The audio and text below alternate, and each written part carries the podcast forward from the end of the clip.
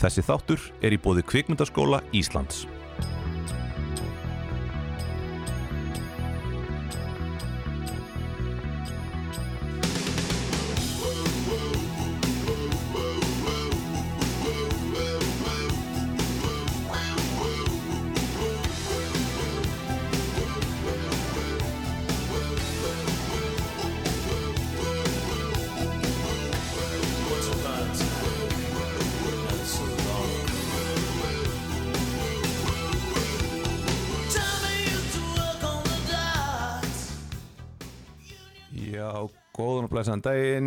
Heiðar Sumarlega Són, þið eru að hlusta á hlaðarpstáttin Stjörnu Bíó, uh, við erum í bóði Kvikmyndaskóla Íslands að vanda, uh, með mér í dag er Bryndís Ósk Ingvarsdóttir uh, og við ætlum að fjalla um tíndu dótturina, The Lost Daughter, velkomin Bryndís. Já, góðan daginn, halló, halló, Heyrðu, hér. Þetta á fyrir ekki, ég held að vera hætt, hvað ætlaði að segja?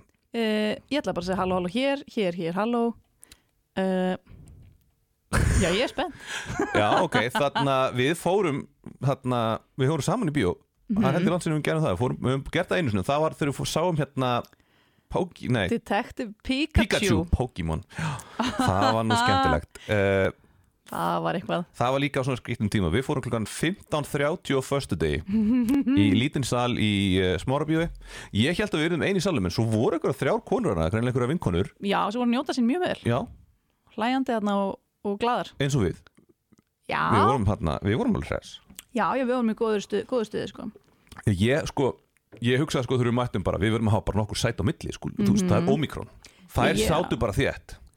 Já, þær voru bara eitthvað alveg vin, góða vinastund. Þær voru Já. framskarandi vinkonur. Já, framúrskarandi vinkonu hópur. Uh, ég er nefnilega, þú sagði mér uh, eftir að myndin var búin að þetta, var, ég vissi þetta væri byggt á skáldsögu, ég vissi ekkit um skáldsögun en eitt hann eða höfundin, að þetta væri sem sagt einhver höfundur sem að væri bara frekar vinsall höfundur. Já, já, já, ég var að vinna í, hérna, í bókabúðunum á sín tíma. Mörgum. Og, já, vann í yðu og málamenningu. Já. uh, og hérna og þetta er sem sagt uh, framhúsgarandi vinkona og þetta er sem sagt Napoli fjórleikurinn Hvað er framúrskarandi vinkona? það er fyrsta bókin Já, þess vegna sagður framúrskarandi vinkonur áðan. já, Ég, þetta er svona ég, orðagrín ég klokkaði það ekki eftir, ég þekkt ekki bókina, en ok, orðagrín fyrir innvíða fyrir lengra komna. já, en það er sagt að fara að koma einmitt leiksýning í þjóðleikúsinu búið að vera mikil, mikil COVID vandræði með hana Já. uh, að því hún er stór að því að, að, að mér skilst hún er úr fyrstu þreymur bókunum í þessum fjórleik Já, ertu með heila leiksýningu upp úr þremur bókum. Já, mér, ég, að, að mér minnir þú veist, ég er Ok. ekki mjög inn við þessa sýningu en, en svo eru við að vinna með þessast fjórðu bókina í fjórleiknum í þessari kvikmynd. Já, þannig að þetta er rauninni fjórða bókin. Mhm.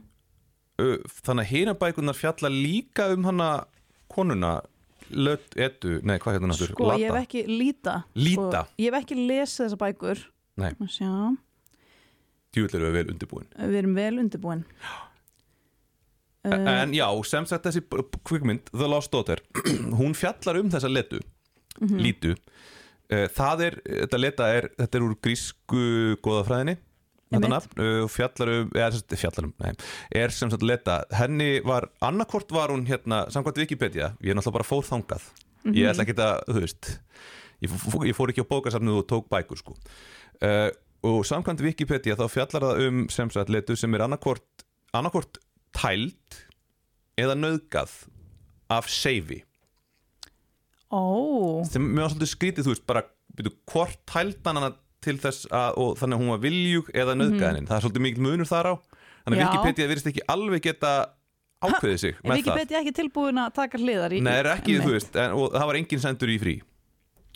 Ok, kannski er þetta að senda safe í frí. Sko, goðafræðin er náttúrulega bara vaðandi í í rugli, ofbeldi og rugli Já. og bara, ó, Mhm. þú veist, það er engin heil brú í þessu, sko Nei, það er allir bara eitthvað að sofa hjá börnunum sínum og ég veit ekki hvað og hvað þessu. við skulum ekki fara þarna, þetta er bara að verða off-real, það sem við erum að tala um hérna Too real uh, var- Hverju varst þú eftir að leitað? Eitthvað um var, hv- hvernig bókin væri tengd, hvort að fjórða bókin væri tengd. framhald tengd leiksingunni, sko, serían fylgist með hérna Elenu Greco og Rafaelu og kannski er þessi fjórðabók bara svona svona nett tengd. Já, einhvern veginn thematíst tengd. Já, við könnumst ekki við Uh, þessar persónu, sko, það er ekki í bíómyndinni. Nei, uh, það er, sagt, hún fjallar svolítið mikið um svona, það að vera kona í dag og að vera kynvera og vera móðir, það er það, víst það sem hún er að vinna með. Já. Það var eitthvað sem að uh, einhver á netinu sagði mér yes, og þetta er það sem að er unni fjallar um. Þetta fjallar semst um þessa konum, hann að letu sem að fer á svona sólarleifis nei, hún fer til Greiklands hún er bresk. Já, hún sagði alltaf I live in Cambridge, it's close to Boston. Og þú veist, er hún að tala um það að sé ykkur bær sem heitir Cambridge sem er rétt hjá Boston í Massachusetts eða er hún að tala um Cambridge sem er nálagt Boston, bænum Boston í Englandi sem væri mjög skrítið. Þannig að býr hún í bandaríkjunum, er það sem ég er að spyrja? Ég skildi þetta ekki. Ég held að hún búi í bandaríkjunum. Var hann ekki bara eitthvað að bulla? Nei, veist. ég, þú veist bara eitthvað svona aflega fólki já, hún var að spjalla við, bara eitthvað að ég býð þarna einhvers staðar í Skandinavi Nei, ég meina þú veist, af því að sko fólki sem hún var að tala við um það, hvað hún býr er náttúrulega bandaríst Mhm. -hmm. og þau myndi það ekki Boston. Já, þannig að ef hún, ef hún byggi í Cambridge þá bara the one and only Cambridge í Englandi þá er Cambridge miklu þekktari borg Mhm. heldur en Boston í Englandi Já, og við erum kannski svona aðalega spennt fyrir að vita þetta, af því að við vitum ekki hvort hún sé hversu tengd hún er uh, börnunum sínum, Já, núna á fullorðsaldri. Þetta er sérst aðalperson er 48 ára, leikinn af Olivia Colman. sem að ég held að væri 60 Já, emmitt, hún er, ég veit ekki hvort að breskar, brest fólk sé bara svona verði fljóta tekið í andlitinu, Já. en við sem að höfum enga sól og ekkert nema Það er vindil. ekki mikil sól í Breitlandi, getið sagt þér Nei, það er ekki mikið sól það reyndar. Það gæti verið eitthvað mengunartengt, þetta er eitthvað svona yðnaður Já, ég veit ekki, en hérna, Það er, svona, það er svona fannst mér alltaf sko þegar, þegar það, þarna, það er snemma í myndinni það sem hún er að tala sérst við þetta bandaríska fólk það sem að þarna, þú veist þau, þau, e, e, konan er að segja við hana ég held að þú væri yngri og var eitthvað að segja ég held að þú væri bara ferdu eða Já, eitthvað álíka einmitt. og ég hugsaði bara djúfis kjaftaði þegar að ljúga henni og af, af því að Olivia Colman er 60 Já, ég held að það væri einmitt. sem sagt, þarna, subtextið í þessu væri það að, þau væri, að, hún- að þetta væri oflofir háð.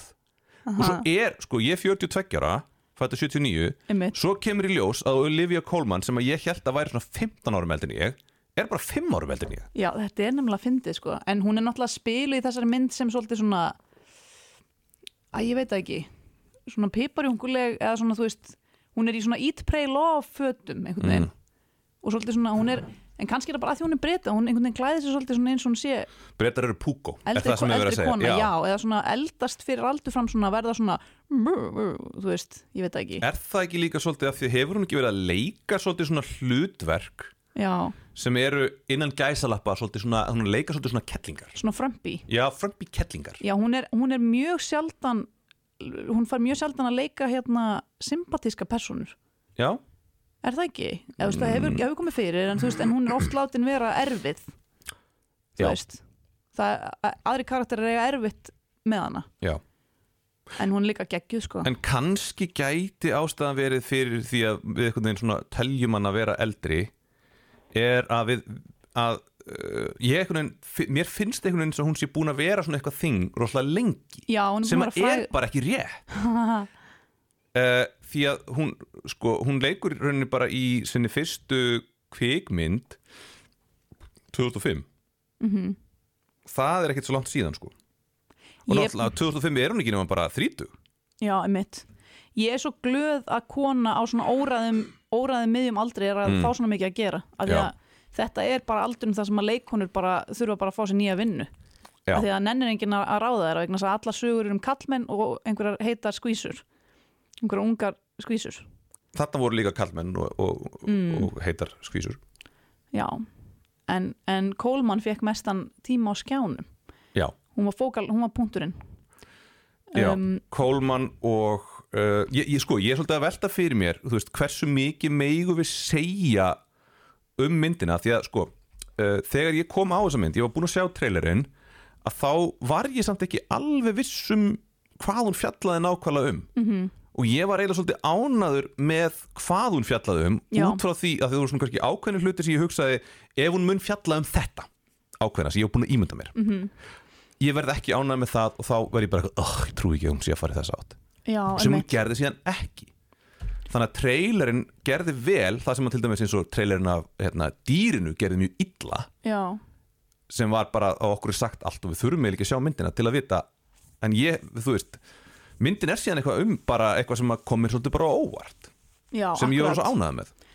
Já, hún svona leiði mann einhvern veginn svolítið svona inn í einhvern helli og maður er allt í hennu komið og maður er eitthvað wow, wow, wow, wow, wow, hvernig Mhm. kemst ég út hérðan Já, og hún býður ekkert mikið upp á leið út mhm, þú veist, það er engin, hún gefur engin svör sko. já, þetta er bara svona fer bara inn í einstaklingsupplifun alveg bara blákalt sko. já þetta er, er brútal mynd hún Já. er erfið sko.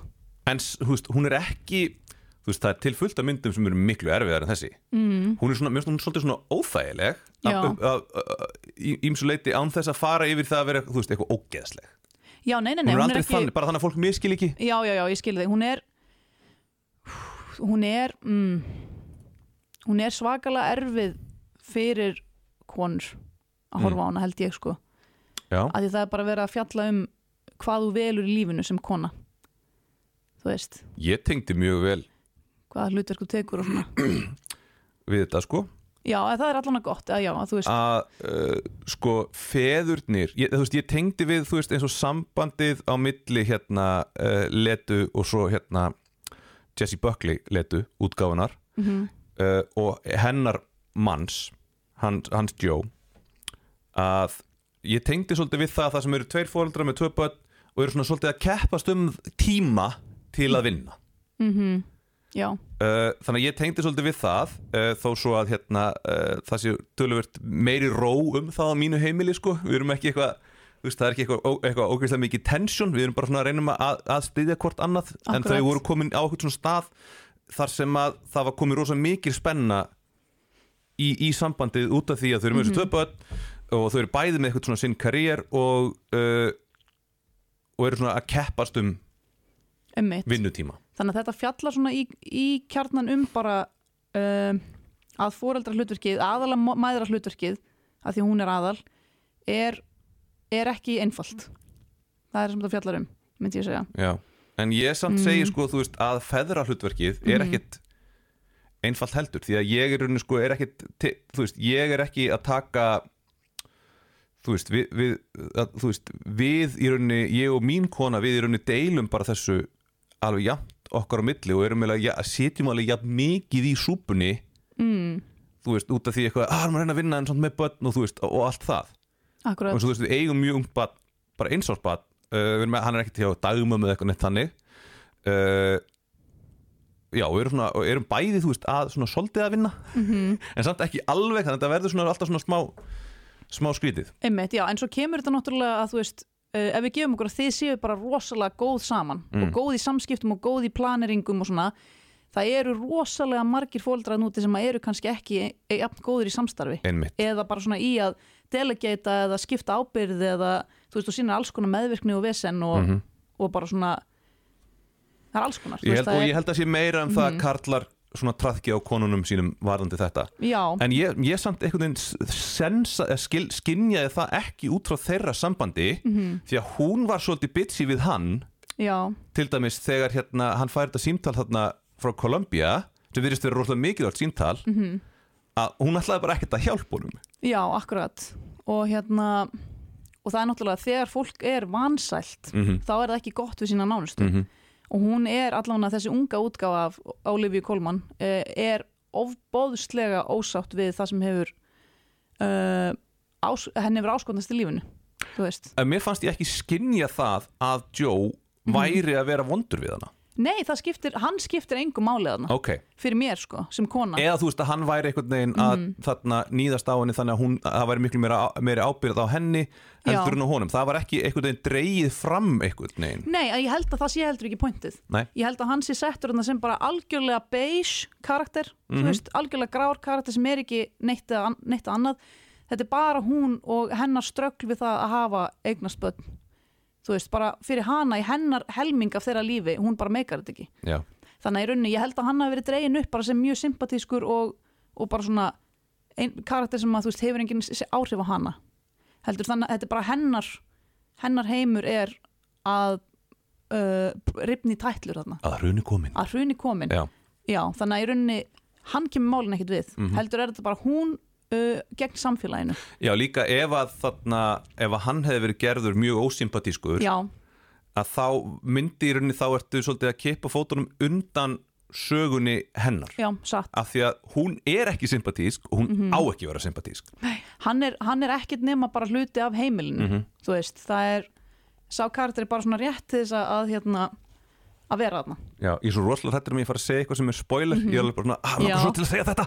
En ég eiginlega þórið ekki já, einmitt, en hérna en já, þannig að við fylgjumst annars vegar með aðalpersoninni vera svona 25 eitthvað svo leis Næ, hvað, hún, hérna, er, hún er á að vera eldri en það. Stelpunar eru í lokin 20 og 30 og 25 Já, nei, ó, ég held að þú var að tala um hérna person, letu já, ungu er ungu. já, og því að hún hérna Jessie Buckley sem leikur ungu letu er 32 ára já. Já, ok, með við aldurinn á krökkunum með hún sé 48 ára þá er hún, þessi útgáfa af henni er Ah, þá 25-30 ára. Ok. Um, já, þannig fylgjumst með henni vera ung kona á framabraut og svo fylgjumst við vera með henni fylgjumst við með henni vera hérna doktor mm í, á sínum, sínu sviði. Comparative literature, uh, Italian comparative literature. Já, orðin Mhm. 48 ára. Og, og við sjáum eða svona 60, við vitum það ekki. Og við sjáum svona hennar, hennar hún er svona að bera sjálfan sig saman við tvær mæður sem eru þarna. Ein sem á svona kannski fjör, fimm ára dóttur og ein sem er ólétt. Ólétt af sínu fyrsta barni. Já. Já. og þá fáum við þessa svona, þessa svona þrjá póla Já, fyrir á meðan eftir. Mm það, já, þú veist, það, þú ert með þetta uh, það sem hún vinnur mjög vel með í þessu, eða hún, ég, hún jú, hún Jake Maggie Gyllenhaal, mm Mhm. Jake Gyllenhaal Maggie Gyllenhaal, sem er sýstir Jake Gyllenhaal. Það, vita það reynda flestir, en það þurftu kannski ekki að taka það fram. Hún er svona kvenkins útgáfa af Jake Gyllenhaal. Er svona svona svo Jake Gyllenhaal með sítt hár. Uh, eða það að Jake, Jake er eins og Maggie með stutt hár. Uh, já, ég ég man ekki hvað ég var að tala um, ég er með hún aðeinsprest gerir þetta vel. Já, hún er, hún er fætt 77 uh, ég, Mér langaði bara til að velta fyrir mér hvort að hún ætti börn. Já, Gillen, Gillenhall hún á tvö börn Já, og Ó, Peter Sko- Sarsgaard sem að leikur skeggjaða sexy professorinn Já. er maðurinn hennar Oh my god og þau, já, já, þau eiga sérst þessi tvö börn saman áhugaverð Það er skemmtilegt Peter Sarsgaard, er það annað en Skorsgaard? Er það ekki? Jú, sagt að Peter Sarsgaard sem að er líka hérna, er hann ekki it? Hver, er hver, hvaða, nei það er eitthvað Skorsgaard sem er it Já. Alexander Já, ok, þetta er rosalega flókið sko. Við heita öll bara sama nafni Segjum við hérna sem allir heita Jónsson og Já, Jónsson Sarsgaard, það, hann er bara eitthvað kanni sko. Hann er bara fættur í Illinois Fyndið á einhverju Air Force Base En já, En en svo eru hérna, þeir, hvað í fjandana var ég að tala um? hún gerir þetta vel eftir að spá í hvort að Ég, nei, já, því að ég er var að pæla í einhverju og svo fór ég eitthvað að tala um þarna uh, veistu það, ég er algjörlega búin að tapa þræðinum en það er Ok, reyndar, bú, já. ég er búin að fá aðtiklisbrest greiningu til hamingju, hjá sálfræðingi. Það gleður mig. Takk. Gleður hlustendur ekki jafn mikið. Uh, Hvað voru að tala um? Getur þú hjálpað mér að komast ok, aftur á Ertu braut? hann að pæla í því hvort að þú þurfir að vera móðir til þess að geta fjalla almennilega um þetta? Já, það var kom eftir á. Ég verið að pæla í hvað, Já. af hverju ég byrjaði að pæla í því. Já, bara Maggie Gyllenhaal, þú sagði bara hún gerir þetta vel uh, og er það Já, einhver ég var, svona að, fítusar ég var að pæla eitthvað í handritinu Mhm. Já, ég var að tala um handritið og var eitthvað að tala um að Maggie Gyllenhaal gera það vel Ég skil maður samt ekkit þarna uh, Ertu að spá í hvernig hún byrjar og endar á sama stað eða svona hvernig hún Já, heyrðu, nei, ég var að tala um þetta hérna, juxtaposition, Mhm. náðu þessu uh, sem hún vinnur vel með og ég, ég veit þá, það er svo erfitt þegar það er svona aðlugun þú veist, Mhm. er ég að rósa Maggie Gilli, Gyllenhaal skórskort, sórskort Mhm.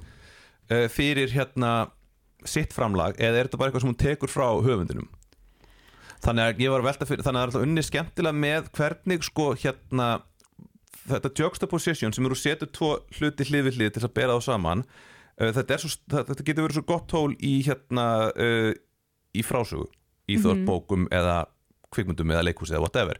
Af því að hún byrjar strax á því að hún er með þetta juxtaposition þar sem hún er ein, personan Já, uh, og svo kem, koma hinn þarna kanarnir og þau, hún er ein og hún, það heyrist lítið í henni segir ekki mikið, svo koma kanarnir þau eru mörg, þau eru háar þau eru fucking hættuleg. Já, þannig að þá í rauninni dregur fram þú er veginn nærð að skapa samhigð með Olivia Colman personinni bara út frá því að hún kemur að það fyrir Peace and Quiet og svo koma þau og eru með læti. -hmm. þannig að það er rauninni, við erum ekkert að upplifa, upplifa samhigð með henni út frá einu sem hún er Nei, heldur bara einhverjum kringumstæðum sem hún er sett í og Mhm. ég kallaði það sko hérna mm, hvað heitir hann aftur hérna þetta er Bjartur sumarhúsum hérna methodan sem er að Bjartur sumarhúsum er í erfiðum kringumstæðum og við vorkenum hann að því hann er í erfiðum kringumstæðum en við vitum samt ekkert hver hann er. En það er búið að húka okkur inn áður en við áttum okkur á því að hann er rauninni algjör fáiði þannig að þetta er gott trikk en hún notar, veist, þannig að hún byrjar strax að nota þetta juxtaposition til þess að hérna, skapa samhigð og svo heldur hún áfram að vinna með, að, með því að þú veist, þú veist með þetta juxtaposition milli tveggja tímalína það sem er þarna eldri Lena, nei hvað heit hún, líta. Líta og yngri Líta. Og svo þetta juxtaposition á milli hinna bandarisku mæðrana og svo hennar sem ung. Þú veist, að, þannig að það dregur fram allt þetta áhugaverða sem vil, sem að veist, sem er verið að rannsaka. Að þannig að þú þarft ekki að segja það. Það liggur í hlutarins eðli út af þessu juxtaposition Akkurat og það, þetta er svo geggja vegna þess að í lífinu þá erum við alltaf að bera okkur saman við Já. allt og allt, hvort sem það er bók sem við lásum, bíómynd, annað fólk uh, sagan, þú veist, við erum alltaf bara hvar er ég í samhengi við allt hitt? Já, og við sjáum og veist, við upplifum þetta bara með letu. Bara hvar, er, hvar er ég leta Já. áhorfandinn að, þú veist, í samhengi við allt þetta? Þú veist, og það er, að þetta er ógæslega vel gert að því að leta segir óbúslega lítið af þú veist, setningum Mhm. í myndinni en þegar hún gerir það þá er það áhrifaríkt Þetta er svo flott sko, þetta er sérst bók eftir Elenu Ferrante sem er ítalst skáld sem að enginn veit hver er. Hún er ítalska hérna að koma aðdeglisbresturinn hún er ítalska hérna. Stella Blomqvist. Stella Blomqvist, það veit enginn hver hún er. Stella Sarsgaard. Hún er svona eins og svona Stella Blomqvist nema bara betri. Já svona minni kræm og meira, meira list og já. Hún Og hún er svona uh, hérna hámenningar Stella Blomqvist. Er þetta ekki, ekki hámenning sem hún Ég- skrifar? Hún, hver, hvers konar bókmyndir eru þetta? Ég hef ekki lesið þessa bækur. Ég hef ekki lesið þær en þetta er svona vandað dramatist, ég meina þú veist The Lost Daughter er, The Lost Daughter er arthouse-mynd. -hmm. þess vegna þarna ég var svo gladur að, þegar ég sá að hún var að koma í bíó hérna af því að hún er á Netflix allstaðar annarstaðar já, ymmit, en við eigum bara opbúslega að það er búið að þýða allar þessar bækur á íslensku, þannig að Já. við eigum alveg aðdánda hóp hérna. Þannig að þau hjá senu hafa kveikt á því mm. og fattað, hei reynum að negla hana í bíó. Ég held það, það er svona mitt, mitt gisk sko. Þess vegna komið líka óvart að voru þessar þrjár vinkonur þarna sem voru í bíóinu klukkan þrjú á föstu degi uh, sem ég átti alls ekki vona á. -hmm. Og þannig er, þannig að þetta verist allavega að vera rétt í þeim. Þannig að það voru þrjár vinkonur í bíó klukkan þrjú á föstu degi veist, þá hljóta hafa verið svona sex vinkonur á henni klukkan þú veist, átta þú veist, setna um kvöldið á betri sýningatíma. Ymmit, og hérna finnst þér já, ymmit Nei, af, af því að sko, þegar maður skoðar dóma á Internet Movie Database frá fólki, Mhm. frá pöpulum uh, þá er fólk bara að- að urla, sem eru bara urla, urla, urla, urlast Ég- yfir því að hún, hvað hún sé ógæðslega leiðileg myndin Já, Ha? róaði þú sást henni Vá. í bíó en Já. ég, það sem ég er að segja og sagt miljón sinnum er það, svona myndir eiga ekkert heima í sjónvarpi nei, þetta er bara bíómynd og þú, þetta er bara svona arthouse bíómynd, hún er hæg Mhm. uh, þetta er eins og hérna þarna, dog þarna Legend of the Dog eða hvað sem hún heitir hérna, Jane, Jane Austen nei, Jane Austen. Jane Campion myndin sem er þarna á Netflix. Beware of the Dog eða eitthvað, ég man ekki hvað hún heitir sem Ertu að- tala með Tom Holland? já, nei, nei, nei, nei, nei, með honum hérna uh, sem leikur hérna Melrose Gæjan hana Já, allan að, já, ég, já, ekki Tom Holland heldur þarna Captain uh, Time, nei, hvað heitir hann? Captain, allan að, Gæjin úr, úr gæjin sem leikur í hérna Benedict Cumberbatch shit, já, það er, ég hef hort á hægar myndir á Netflix og ég, er, ég nýt mín ekki. einmitt, það er að því að það veist. er sko um leið og mér byrja að leiðast þá er ég bara svona eitthvað, jæja, heyrðu þá hvað annað er á Netflix veist, en, þannig, að, þannig að það má alveg koma moment þegar ég er í bíó á The Lost Daughter -hmm. að það er svona, ko- komið svona moment þar sem hún er bara eitthvað látið sér fljóta hérna í, í sjónum og sem að ég hef, hefði örglega ég verið heima verið bara, oh my god, hvað er ég að horfa á þetta en þannig tókstu ákvörðin bara, nú ætla ég að koma og horfa á þessa sýningu hér, á þessu listaverki hér. Já, Þú veist, þetta er bara eitthvað svona, að því þú getur skrollaði gegnum símaðin og séð alls konar gummul my- myndlistar, einhver málverk, en það er ekkert jafn gaman að fara í galleríið, Nei, skilur ég myndi aldrei skoða jafn mörg málverk í símanum mínum Mhm. Ég fer aldrei að skoða málverk í símanum mínum en ég fer kannski á gallerí og skoða Já. listaverk Þú veist, þetta er, þetta er svolítið þarna, Mhm. Já, ég gera það reyndar ekki nema í útlöndum. Já, um mitt Þá gerir maður en ekki hérna heima. Þetta er svona einhvern veginn, þú þarft að gefa ákveðnum hlutum meira vægi bara til þess að njóta þeirra. Þú veist, að að það, he Einmitt. það hefur ekkert vægi í heiminum nema þú segir það fyrir þig, Ég? þú með sjálfu þér. Það er eins gott að þú bættir við fyrir þig annars ég gengi hérna út bara hugsandi hmm, allt sem að ég segi hefur vægi.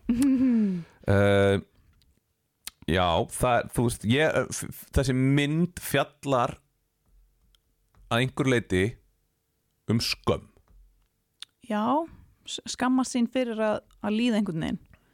Já, skammast þín, af því þú varst að tala um hérna hvernig þú ert alltaf að bera þig saman við annað fólk. Já, að þetta hérna, ég er slæmmóðir. Mm en svo er hugsunum, þú veist, hvað er í raunin slæmmóðir? akkurat Þú ætlar ekki svara því, þú ætlar ekki börn. Ég á þannig ekki, ekki börn sko. en sko, En þú hefur verið barn ég hef verið barn. Já. sko, að, já, að vera slæm móðir ég held að snúist aðalega bara um að, þú, að þér líður eins og sért ekki að uppfylla einhverjar einhver, einhverjar væntingar samfélagsins. Já, þú veist, þú, þú ert ekki að gera hérna heitan mat alla daga vikunar og þetta er fullkomið og þú fyrir aldrei á McDonalds og uh, og börnin eru ekki í næg heldur í hagköpsfötum eða þú veist, þetta er allt eitthvað svona. Veistu hvað er óklæða dýrt að vesli hagköp núna maður? já, kannski dýrt, já. Nei, ég segi nú bara svona, jú, þegar En- þú veist þarna, þau eru í H&M fötum, það er ódýrt. Ég, fer, ég Mhm. vesla allt í H&M á mig sko.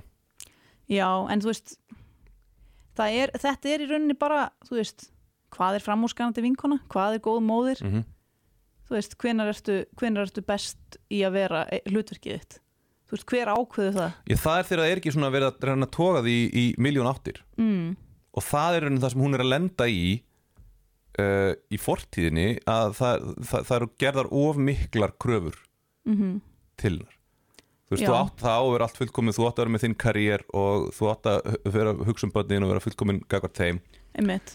En þú veist, ég þú veist ég, það, það, voru, þú veist, alveg moment í, í, í myndinni þar sem að ég þú veist, ég tengd alveg við, ég meina, börn geta alveg verið fucking óþólandi, það er bara þannig. já, já, já. Og, og líka þetta með þetta einhvern veginn að halda að, að þín börn séu hræðileg þú veist, Mm. börn, ó, börnum mitt er svo óþekkt hvað er ég að gera rám já. og svo verður þú síðan vitnað að virkilega óþekkum börnum, þá ertu bara eitthvað, já, kannski er börnum mitt bara ekkert svo slæm já, fólk er svo duglegt að skamma sjálft sig ég veit sko. það, ég hef alveg átt þessi samtölu við konuna mína Mhm. þar sem við höfum verið bara svona hm, börnun okkar eru bara alveg ágætt þegar maður sér, sér þú veist að því að maður er ekki inni hjá öðru fólki og annað fólk reynir náttúrulega að, að sína sem besta mynd að sjálfur, af sjálfur sér sko. Mhm.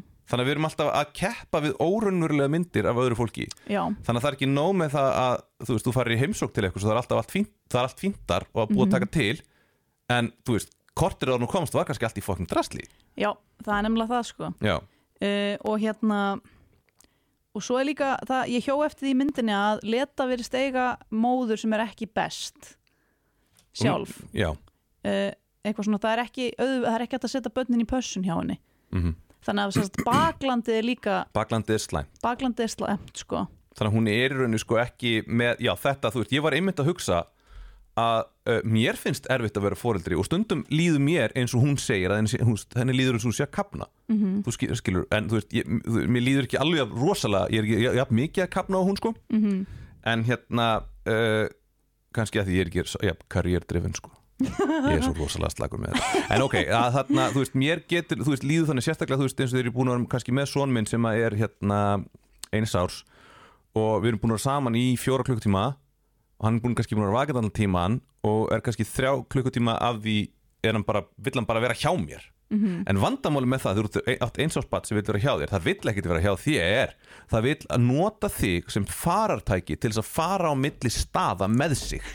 Og þá líður mann eins og maður sé að kapna Æjæjæj. Þannig að í rauninni vorkenni ég ekki neitt af því að stelpunarinnar er orðin svo stórar í myndinni af því að þú svo ég sko sjóra dóttur hún lætur mér ekki líða eins og ég sé að kapna sko. Já, já, já.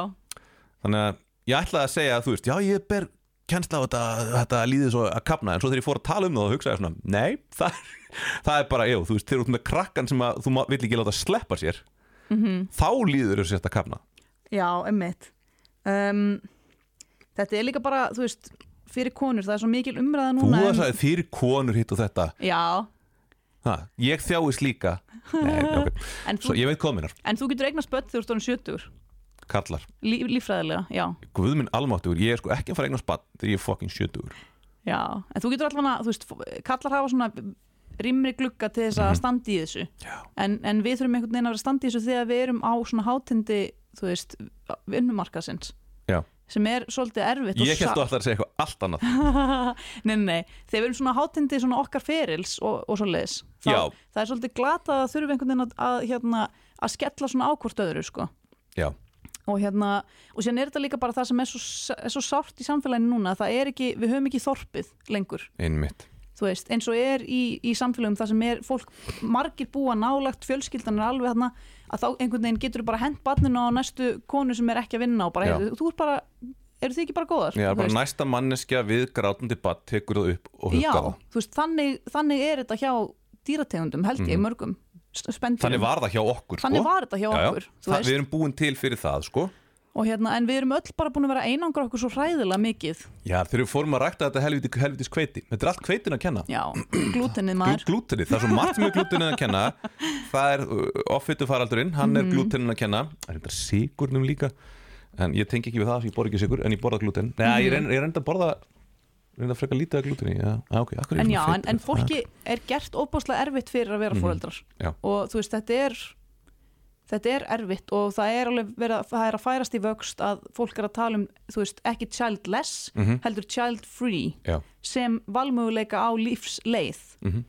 um, og það er bara mjög spennandi að fylgjast með þessari þróun af því þetta er búið að vera tapu mjög mikið og þú veist, það er náttúrulega all- allt þetta með þú veist, crazy cat lady sem býr bara einu og eitthvað svona Mhm. Þú veist, það er bara neikvætt. Það er bara neikvætt, neikvætt, þú er skrítin eða þú ert, það er ekki lægi með þessa konu þarna sem bara kýsa að vera ein eða, hún er nett þannig. Mm, Olivia Colman Hún er nett crazy cat lady, sko. Hún, er, hún er sett hann upp, já, sem ég finnst alltaf áhugavert, í byrjun, já. sko. Þá hugsum við það um hana. Við hugsaum það um hana, en síðan fáum við að sjá gömlu hana Já, sem er bara sjarmerandi, flott, spennandi áhugaverð manneskja. Þú Já. veist einmitt. Þegar hún hittir heitan uh, fræðimann. Mm Við verðum öll besta útgáfan af sjálf okkur þegar við hittum heitan fræðimann. En þannig að kannski er, kannski er pointið, þú veist, það er ekki auð, auðvelt að útskýra þessa mynda því hún vill ekki láta útskýra sig. Nákvæmlega. Ég, En- Það getur verið að það farið svolítið í taugarnar á fólki sem að líkar myndin ekki. Já, einmitt, af því að það, þú, hún er með, sko, ef þú ferðin á Metacritic þá eru með alveg tíu stykki af dómum sem eru fullt hús það er ekkert svo a- algengt að maður sjáu þannig en svo eru nokkri sem er að gefa henni svona tvær stjörnur og það virðist vera bara einhvern svona frásagnar mátin og hvernig hlutinu lóttir hanga svolítið í lausu lofti virðist farið töðunar ákveðinu fólki. -hmm. og ta- nota það sem, þú veist, þá, þá er þess að þessi búin að ákveða fyrirfram hvað eigi að príða kvikmynd. Já uh, ég er með smá kenningu með af hverju hún er, hún er portreiðu svona sem svona innan gæslapa crazy cat lady. Ég held að þetta sé í rauninni bara að hún er ekki búin að eiga lífið sem að hana langaði í og þar alvegandi er hún svolítið bitur hún er svolítið óhamingjusum núna á þessum, þessum miðaldri eh, og það að hún sé alltaf, alltaf að, kvarta yfir því að það kemur trublun Mhm. þú veist það er hávært fólk, það er fólk að trubla það sem hún er að gera og hafa kósi þarna. Já, er að ég, ég heyr hann að hugsa já eru þetta velunin sem ég fæ mm fyrir allt sem ég hef gefið til samfélagsins hérna með upp þessi börn Já, að vera, bara- vera að rannsaka þetta ítölsk, ítalskar fornbókmyndir Já, þú veist, að, að þetta er svona þetta er svona þegar fólk er búið að ala upp börnin sín þá er eitthvað svona, já, heyrðu, núna ætlum við að fara hérna til Tenerife og eiga gott hérna líf 50. Já, Við erum búin, að, búin með okkar hérna stóra framlag og kannski er hún Já. bara svolítið ósátt við niðurstöðuna bara, Já, ég meina hún fór til einhver- í einhvern Mhm. smábæ í Greiklandi til þess að fá í friði og kemur bara eitthvað hiski frá New Jersey þarna mm. bara eitthvað glæpamenn Eða, ég veit ekki hvernig veist, það kemur svo sem ekkert fram. Þetta er, eitthvað, Já, þetta er, þetta er svona eitthvað svona þetta, maður svona hugsa bara, er þetta eitthvað mafjósar eða eitthvað? Þetta er einhver, einhver hrikaleg fjölskylda sko. Þetta er, hún sé, ætlum þessi fjölskylda komin kannski fram í hinum þreimum bókunum. Það er, mm. þetta er fjallallar um svona, þú veist, einhverjar ætt, einhver ættboga sko. Já, en, en já, point með þetta er, það snýst ekki bara um þessa ferð heldur bara, þú veist, er hún bitur af því að lífið hennar hefur ekki farið eins og hún hefði viljað? Þa, og það er svona mitt, mitt teika á þetta Hvað vild hún? hún hún? She wanted to have it all af því að það var búið að selja henni það að hún gæti átt karriér Mhm. og börn og verið hamingjusum já, en þegar þú ert komin með tvo aðila inn á heimili og það þarf að afla tekna og með, það- við erum komin með þannig samfélagsgerð að það þarf tvær, tvær fyrirvinnur Mhm. til bara til þess að hlutirnir gangi upp og þau eru þú veist, þau eru fræði fólk ég held að hann sé bara í ykkur svona svipuðu Já. gaurinn af því að hann var bara eitthvað Columbia's on the phone örgulega að tala um Columbia University. Mhm. að, að þú veist, þau þurfa bara bæði að vera að vinna þau eiga þessar stelpur sem eru mjög óþekkar. Börn. þær voru ekki dagalega sko. Þær voru óþekkar. Þær voru fökk óþekkar. Ég er svona, þú, maður hugsa bara, dóttir mín óþekk. Nei, ekki með þetta barn þessi börn voru bara, oh. þetta voru mjög óþekk börn. þær voru flotta leikonur þær eru rosa sætar. Finnst þær hérna daldið, standa sér daldið vel sko. Það, þú veist, þær eru bara óþekkar. Þær eru bara að leika sjálf, sjálf á sig. Verður mjög, mjög, mjög pirrandi. Við á Olivia Colman hérna, nei, ung útgáfuna já, um, ættum nú kannski að tala um hana. Hún er náttúrulega, er eina mínum uppáhalds. Hún Jessie Buckley. Já, ég hef ekki séð nógu mikið af henni, hvað hefur hún verið að gera skemmtilegt? Hún var náttúrulega hérna, aðhlutur í them Thinking of Ending Things hérna, ah, ég á eftir að horfa hana, hún var önnur svona, með svona Plemons. hún var svona hæg Netflix mynd. Gastu horta á hana heima? ég horfði á hana og ég þarna var ekkert yfir mér hrifun uh, hverju var hann í öðru? Hún var, hún var, hún var í Tjernobyl þáttunum. Já, þar sá ég hana. Hún er búin að vera svolítið mikið í hérna svona, svona míniserjum.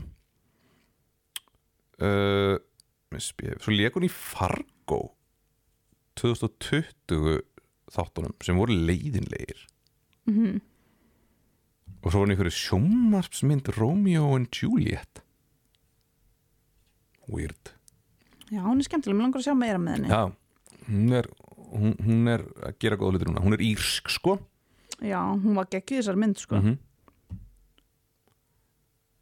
hún náði einhvern veginn að vera undarlega sympatísk Já. á sínum yngra árum sko. Það er eitthvað við andlitið á henni sko líka það er líka, Mm. mm. þú veist, ef þú getur kasta réttu andlitin, sum andliti eru bara sympatískar en önnur andlit mm, og kannski Olivia Colman er ekkit með henni droslega sympatíst andlit kannski hún eiginlega bara svona, ef þú horfir á hana þá svona, já, hún er ekki frekar leðileg já, en síðan er þetta sem eru fordómar náttúrulega Já, síðan er þetta náttúrulega líka þetta- lærða að, að konur verða minna virði eftir með aldrinum sko. já, já. að það er bara, það er bara að missa, missa hérna allt kreditið sitt bara hægt og rólega og það er einhvern veginn, já, já eins og ég var að segja á hann með bara þú fær ekki hlutverk eftir 50 það er bara leðilegt, eða eftir 40 45 já nema þú látið strekkja þig. Mm, Nicole Kidman, hún er nú alveg Já, hún er ennþá bara á fullu sko. Veist, hvað er hún eiginlega orðin gömur? Hún fer sko að nálgast sko Ni- Nicole Kidman lítur út fyrir að vera yngri en uh, Olivia Cole. En já, en pointið er að miðaldra konur eru miklu minna virði svona fyrir ókunnugum heldur Já. en miðaldra kallmenn þú veist, miðaldra kallmenn virðast vera einhvern veginn meira ómissandi samfélags, samfélagi segur okkur það. Þeir allavega halda það. Þeir halda það Þeir halda það, þeir hafa verið það og eru komnir einhvern veginn í ykkur stöðu þar sem þeir eru það Mhm, og eru að reyna að halda í það eins og þeir geta. Einmitt. Á meðan, á meðan konundar hafa alveg lagt jafn mikið til samfélagsins og ef ekki meira. Mm þú veist, haldið þeim svolítið uppi. Já. Og svo koma þær bara fram eins og ógeð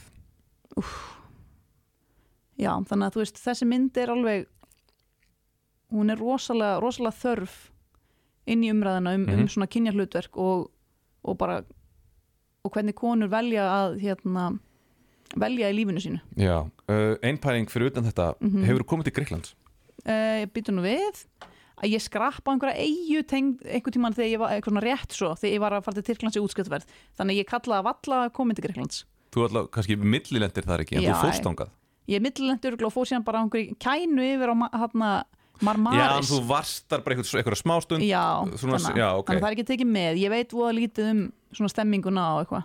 Já, ég sko ég fór til Greiklands 2019 frekar en 2020 um, smá vonbriði mm. mm, eftir ferðina kallaði ég Greikland alltaf shit í Spain af því að þetta var svolítið svona eins og spátt nema allt aðeins meira shitty og niður, í svona meiri niðurníslu Æ, ekki hugsa nú vel um húsin og svona. Já, ekki hug- hugsa um húsin og hérna líka sko varðandi bara allt, það var einhvern veginn allir svona, svona rafmaks svona möstur eða sem, að- þú veist það sem rafmagni fyrir gegn hvað sem þetta kallast, þetta var allt riðgað og mér varst til dæmis mjög ótrúverjugt að það var í hérna The Lost Daughter að það var ekkit roadkill á göttunum Ég hef bara aldrei séð Ég voru bara sko, fyrst var ég í Aþenu og svo fór ég til hérna Hvað sem hún heitir þarna Eyjan. Jésús, ég man ekki hvað hún heitir. Svona og Ródos Rótos, nei þarna, Það er svona svolítið svona eins og Sardinia En Sardinia náttúrulega er hérna uh, Ítölsk eyja. Uh, þetta heitir Hvað heitir náttúrulega frekar svona stór eyja sem að er með hvítum húsum, ég veit hvað þetta er. Hérna. Hvað heitir þannig aðal, að, aðal aðalegjan? við Hérna er það, við erum hrikalega, við munum ekki neitt í dag. Veitu, hérna er það, ég er að skoða hérna uh, Santorini, það ekki? Nei, en já, er. Gríkland er náttúrulega búið að eiga í hryllilegum fjárhagsvandræðum Já, þegar þú ferð þarna. Að, já, þetta hefur verið en þú veist, þetta var svona, virkaði svona eins og svona frekar uh, uh, krít. Krít er náttúrulega risastór. Ástæðan fyrir ég summaði ekki inn að krít þegar ég, hérna, á, á kortinu var þú að ég held að þetta væri kýpur en kýpur er ennþá austar. Nevermind, þannig að ég fór til krít, krítar mm og kerið þar um þjóðvegi, þjóðvegi og sá þar þessar þarna, allt þetta riðgaða ógeð og allt þetta roadkill á, á, á göttunum og ég bara, þú veist, ég hafði aldrei séð svona. Nei, þetta er alveg hellað maður. Og líka einhvern veginn í aðþennu þá þú veist, gekk maður kannski eitthvað um og svo komar ykkur götu sem mann leið bara sem að væri ykkur fátakara hverfi í Indlandi, sko. Já, bara þetta var alltaf hrunni komið bara hana Já, þú veist, það var bara ein, það var gata sem var raunin bara sem hótelið mitt eða gistiheimili var við sem að basically leit bara út eins og þú veist, Indland. Heldur að það hafi verið eitthvað, eitthvað hérna, einhver sérstök ákvörðin að hún hafi verið þarna á Gríklandi eða bara af því bara? Að Ferrandi hafi valið Gríkland út af einhverju sérstöku? Veit það ekki.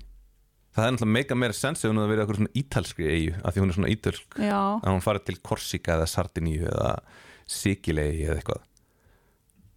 Nei, ég veit ekki, kannski bara fór hún á til uh, þú veist, þangað og en þú veist, jú, jú, það er alveg margt fínt veist, í Greiklandi, en þú veist, það var bara svona veist, þetta komið svona eilítið orð af því ég farið svolítið mikið til Spánar og þarna, en þú veist, svo, svo þú veist, hef ég kannski bara farið í ákveðna hluti, hluta af Spáni og þú getur kannski fundið þú veist, eins og ég segi, ég var bara þarna þú veist, í, í Aþenu og svo Krít og þú veist, það er, löndi er náttúrulega þú veist, eða þú komið á, í eitthvað smábæ á Íslandi og svo kannski eitthvað En þetta kannski snýst um að, að Ferrandi hefur valið þetta að því að Gríkland er svo sögufrækt og glæsilegt og indislegt og sín er þetta bara algjör, algjör vonbreiði fyrir hana gríska góðafræðin og grísku nafnið. góðafræðin líka líta Já. Já.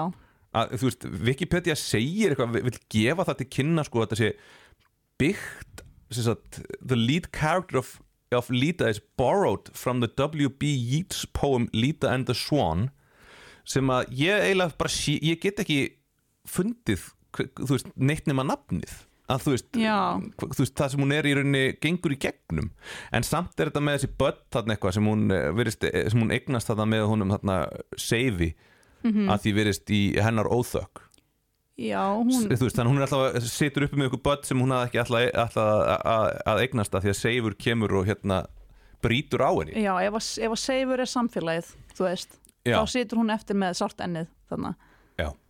Að bara samfélagið sagði, hei, þetta er geggjað. Já, og hún er ekki til í þetta.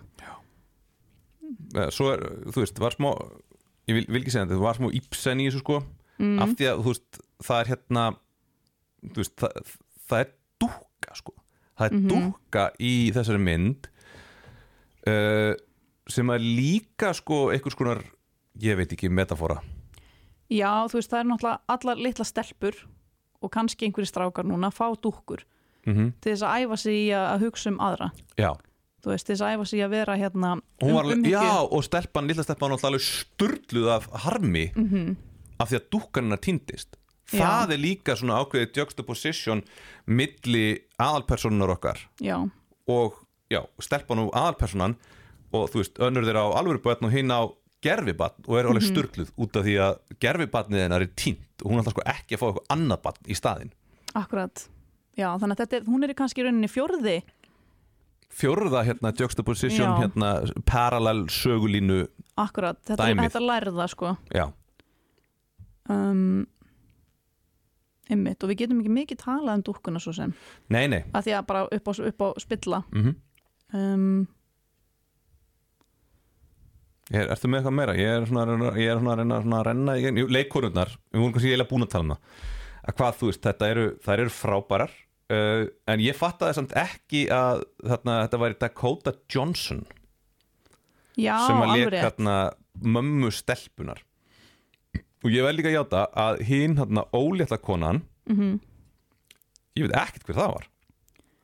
Nei, mitt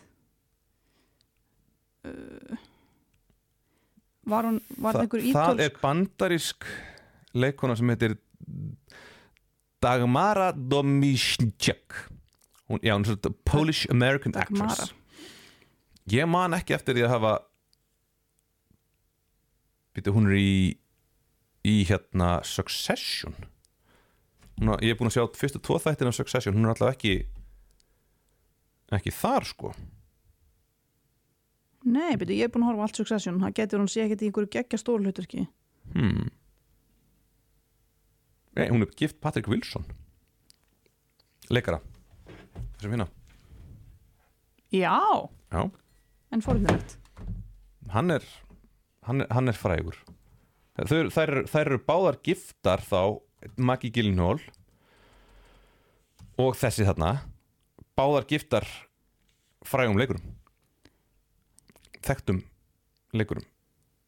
Mm Jú, það, þetta er hérna þessi Dagmara ekki Dominicek, hvernig, fætt hvernig ég á að segja þetta 676 Já, pældi því að hún er næstuð jafn gömul og Olivia Colman. Samt er Olivia, þú veist, hún er samt rosalega ungleg, sko Mhm. við hliðin á henni. Heyrðu, hún er búin að vera í 24 þáttum. Ég held hún sé engarittari En lítur bara, er bara með allt öðru sér hár og eitthvað svona. Já, já Ég held Ok. hún sé, já, ég held hún sé með eitthvað alveg bara svona Allt aðra greiðslu og allt annar, aðra svona holningu og allt. En hún er leikona Leikonur gera það Já, hún er að leika an, aðra personu og hérna og svo líka er hún mikið hérna credit only við hérna Succession þar sem hún greinlega þættir þar sem hún er, byrtist ekki Mhm. þú veist, hún er náttúrulega ekki eina af sískinunum því að þarna náttúrulega sýstirinn lítur ekkit út eins og hún uh, hann er alveg klárlega ekki sýstirinn ég man ekki, svo eru eiginlega bara svona eldri konur svolítið mikið sem að vinna fyrir pappan. Þannig að, já, ég, þegar ég horfa á þáttum í þrjú. Já, hún heitir Karolína. Já, eh, þarna Succession, ertu búið með það allt? Já, Ok, ég er nefnilega sko ég horfði á fyrsta þátt af Succession þegar ég var nýr og þetta svona einhvern veginn náði mér ekki. Svo byrjaði allir að tala um Succession. Þannig ég var svona eitthvað svona, æ, ætli ég verð ekki að horfa á þetta. Þannig ég var að horfa á þáttum með tvö í gerð og horfði aftur á fyrsta, fyrsta þátt og þetta er bara svona, já, já, ok, ég held að ég sé svona veist, kannski var ég bara ekki nægilega verið stemdur eða eitthvað. Já, maður þarf svolítið að bara sittast niður og bara Ok, ok, er ég- af stað. Já, já, Þú veist, ég horfa alltaf á þetta með fólki sko. Já, Ég myndi örgulega bara að drepast þegar ég væri einn að horfa á þetta. Ég er samt alveg góð í einbytta mér hlutum en bara einhvern veginn ég þarf að geta býstnast yfir þessu með öðrum. Já. Það er miklu skemmtilega Ertu búin að horfa á The Book of Boba Fett? Uh, Því miður nei. Uh, Sem ég, betur fyrir nei. Uh, sem, ég sá fyrstu, fyrstu nokkra mínútuna bara til þess að sjá að hérna að ha, þessi þáttur byrjar alveg eins og lýsingin í Parks and Recreation Ég byrjar. veit að það er sturla, ég var að lesa þetta í gær. Segðu, segðu okkur frá því. Er hérna, það er uh, einhver nörd í Parks and Recreation þáttunum fyrir svona tíu árum síðan og hann sem sagt er að filiböstera í, í réttasal sem að er hérna Svona, eyða tíma. það, Hvað heitir aftur á íslensku filibuster er uh, Málþóf hann er með málþóf og, Mhm. hérna, og, hann ætlar, og hann segir öllum frá bara jæja, ég og er með frábæra hugmyndaði hvernig Boba Fett bíómyndina á að vera og hann kom með sko þrjár aðrar plottlínur úr Star Wars myndum sem Mhm. að urðu og sem að segja mér svolítið að uh, uh, það, það virðist ekkert verið nefnt rosalega mikil vinna hugmyndavinna lögð í jafnvel, það sem er að gerast þannig Star Wars. Það er bara svolítið að teki bara það augljósasta. Þú veist, er hver sem er gert þetta. það er endalegt magna hugmyndum til í Star Wars. Já, það er bara, þú veist nýja myndin með, nýja, fyrsta myndin með Rey var bara endurtekning á gömlu myndunum og þú veist, þetta er bara fyrir allt í einhverja svona hýróstjörni í ringi bara, út í það óendarlega Já, ég er með þetta en ég veit að þetta tengist ekki myndinni en þú veist, eh, fyrir þá sem að þarna, uh, við erum hæ- hætt bara að tala um myndina en fyrir þá sem Já, hafa sjá, sjáu þið bara The Lost Daughter, hún er Já, æðisleg. við mælum með The Lost Daughter og þarna ekki vera býða þannig hún kemur á Netflix. Þetta Nei. er bíómynd, þetta er svona arthouse mynd. Já, gefð henni það, það rými sem hún á skilið. Já, Heyrðu, við skulum endum þetta bara á hérna hlusta á hann hérna uh, Patton Patton Oswald í Parks and Recreation tala um Star Wars, þannig ég myndi setja bara hérna, setja bara upp headphone-in, eða kannski kemur þetta bara á hérna í, já, við, við erum að hérna, þeir voru hlusta á Stjörnubíó við erum í bóði Kvikmyndaskóla Íslands ég heiti Heiðar, með mér var hann Bryndís og við bara heyrumst uh, síðar Pan down from the twin sons of Tatooine. Uh, we are now close on the mouth of the Sarlacc pit.